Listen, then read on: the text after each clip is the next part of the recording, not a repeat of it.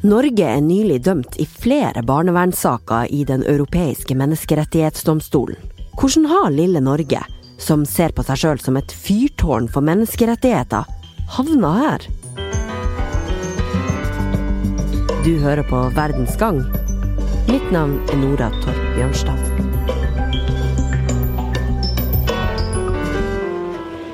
Nå er jeg på vei inn i Høyesterett her eh, midt i Oslo sentrum.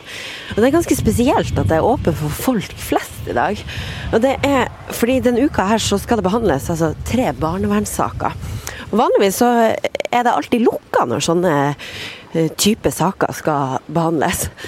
Men Grunnen til at det åpnes opp nå, det er at eh, etter at Norge ble dømt flere ganger i Menneskerettighetsdomstolen i Strasbourg, så tenker Høyesterett at det er best med åpenhet.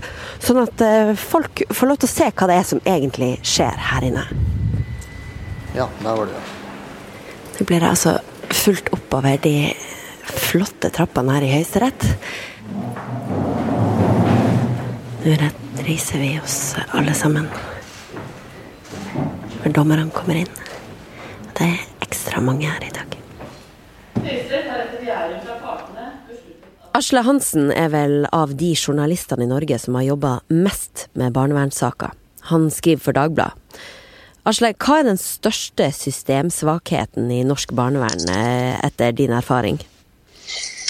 Ja, det er egentlig ganske enkelt å, å svare på. Um, jeg har skrevet om barnevern eh, systematisk i ja, fire-fem år nå. Eh, og oppdaga jo for noen år siden eh, det jeg mente var en systemsvakhet, og som trolig var noe som gikk på tvers av den europeiske menneskerettskonvensjonen. Nemlig norsk samværspraksis etter omsorgsovertakelse. Før Asle fortsetter, så er det greit å ha klart for seg to begreper. Det ene er samværsrett og det andre er omsorgsovertakelse. Når barnevernet tar et barn bort fra sine biologiske foreldre, altså omsorgsovertakelse, så skal man likevel prøve å få til at barnet får treffe foreldrene sine av og til, som vi kaller samværsrett. Dette er to nøkkelord for å skjønne hvorfor Norge får kritikk fra Den europeiske menneskerettighetsdomstolen. Det de sier er at uh, I Norge så er det blitt en slags standard at alle, så, så nær som alle, opplever det at uh, om barnet blir plassert uh, utenfor hjemmet, så, så, får de nesten ikke se dem lenger. Og Det fører jo igjen til at tilknytning mellom foreldre og barn blir brutt.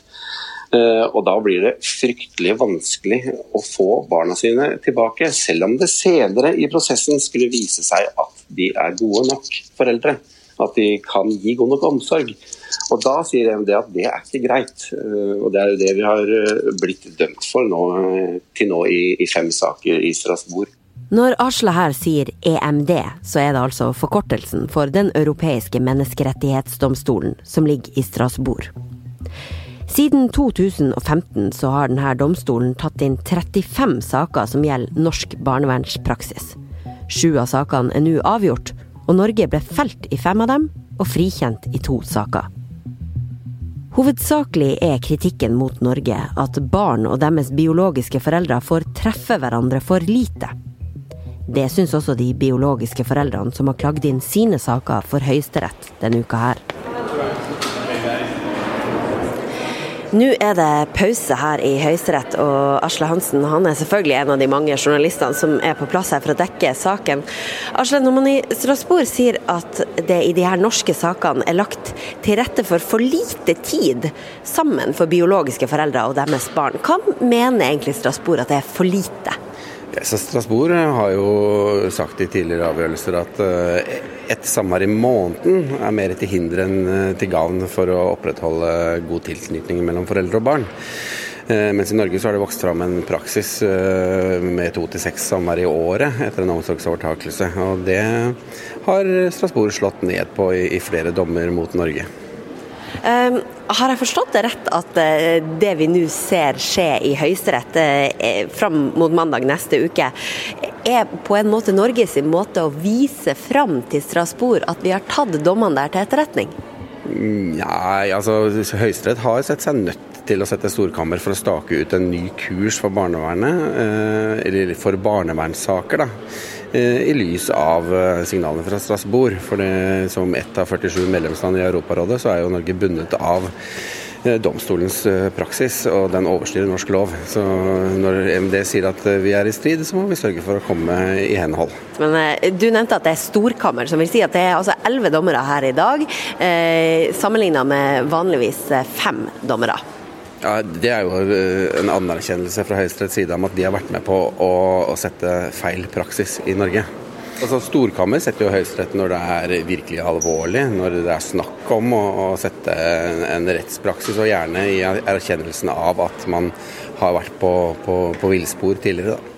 Det kan være greit å vite at hvis det er motsetninger mellom norsk lov og Den europeiske menneskerettighetskonvensjonen, som domstolen i Strasbourg dømmer etter, så skal Den europeiske konvensjonen gå foran. Norske domstoler skal tolke menneskerettighetskonvensjonen på samme måte som de gjør i Strasbourg. Men det er ingen automatikk i at når et land blir dømt i menneskerettighetsdomstolen, så gjør det om på en dom som er avlagt i hjemlandet.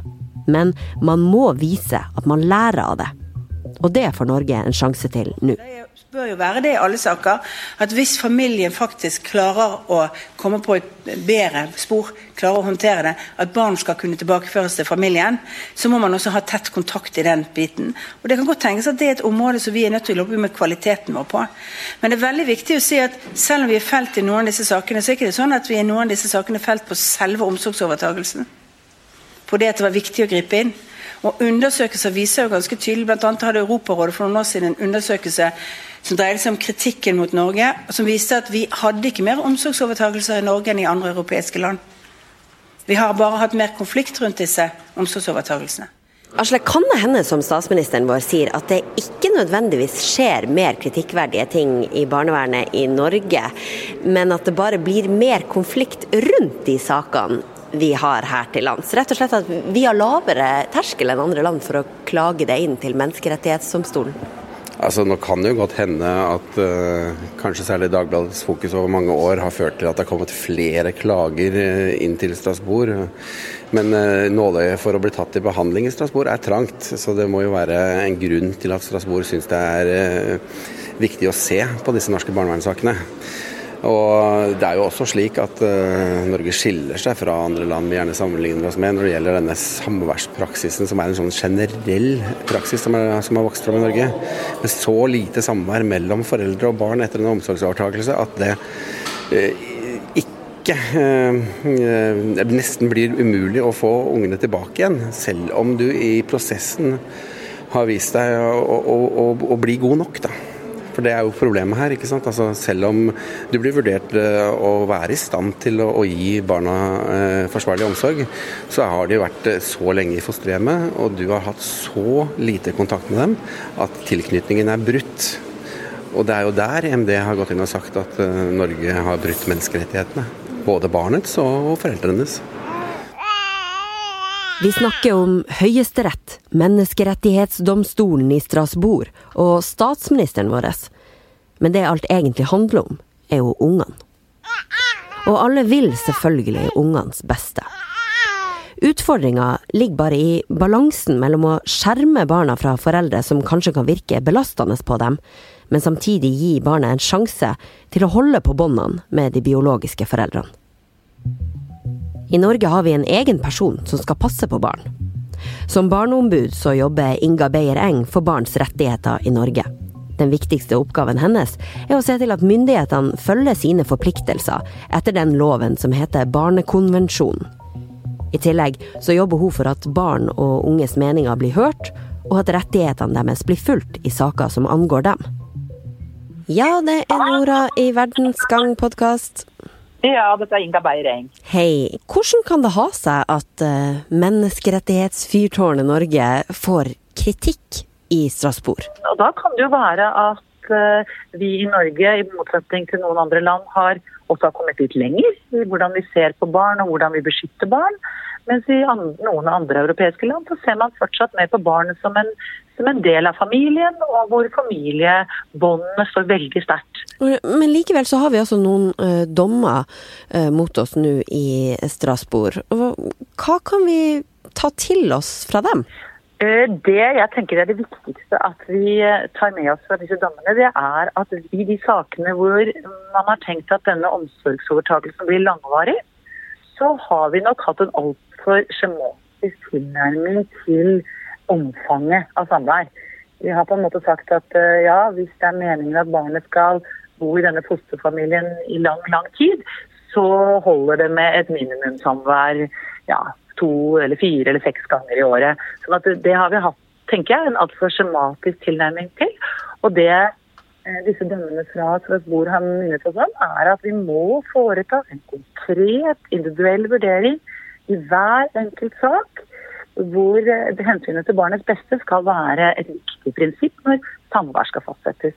Inga, du som passer på barns rettigheter, blir de godt nok ivaretatt i det norske barnevernet? Altså, vi, vi er på rett vei. Og vi har eh, i Norge hatt et stort fokus på barns rettigheter. Eh, og at barn er et selvstendig individ med rett til beskyttelse, helt uavhengig av foreldrenes rettigheter. Der har vi i Norge kommet langt, og det, det tenker jeg er en stolt tradisjon som det har vært bred politisk forankring eh, for i Norge over lang tid. Eh, du er jo barnas eh, representant. Hva er konsekvensen for de barna som opplever at barnevernet gjør feilvurderinger? Det får ganske store konsekvenser når det gjøres feil. Eh, det kan gjøres feil i den forstand at barnevernet griper inn for seint i familier. At barn ikke får den beskyttelsen de har krav på. Det er det også mulig eh, at barnevernet griper inn og begrenser samvær i altfor stor grad. Eh, med den konsekvens, negative konsekvensen det kan ha for barn for å ha kjennskap til foreldrene sine, og kanskje på sikt kunne flytte tilbake til foreldrene sine. Så, så det kan ha konsekvenser begge veier. Eh, og Derfor så er det viktig at vi tilkjennegir i større grad hvor kompleks og vanskelig den myndighetsutøvelsen som barnevernet gjør, er. Da må vi sørge for at de har uh, høy kompetanse. Og så må vi også sørge for at de har tid til å foreta gode grundige vurderinger. Er kompetansen i barnevernet god nok? Eh, jeg har vel ment at så kompleks og inngripende myndighetsutøvelse det her er snakk om, så bør vi absolutt heve kompetansenivået i barnevernet.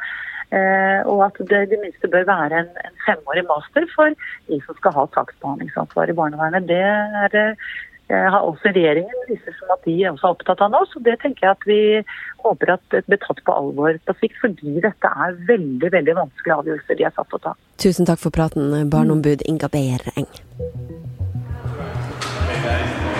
Eh, du som har jobba så mye med det her, eh, har du noen teori om hvordan en sånn praksis har fått utvikle seg i Norge? Du, Det er et interessant spørsmål. fordi Jeg snakket med, med jusprofessor på barnevernsutdanningen Elisabeth Gording Stang om dette her. Og hun, hun klør seg i huet over det. fordi det er jo ingen Det er jo intet forskningsmessig belegg for dette. Eh, hvor kommer det fra? Det er nesten så, Hun sier vel at det er nesten som noen har putta fingeren opp i lufta. Men det er, jo, det er jo fylkesnemndene som har fastsatt dette i første instans. og så, og så og så hjalp det ikke så mye at Høyesterett selv da, i 2012 eh, banka fast at fire samvær i året er nok som en standard. Tror du vi får se en eh, ny standard legges for det norske barnevernet?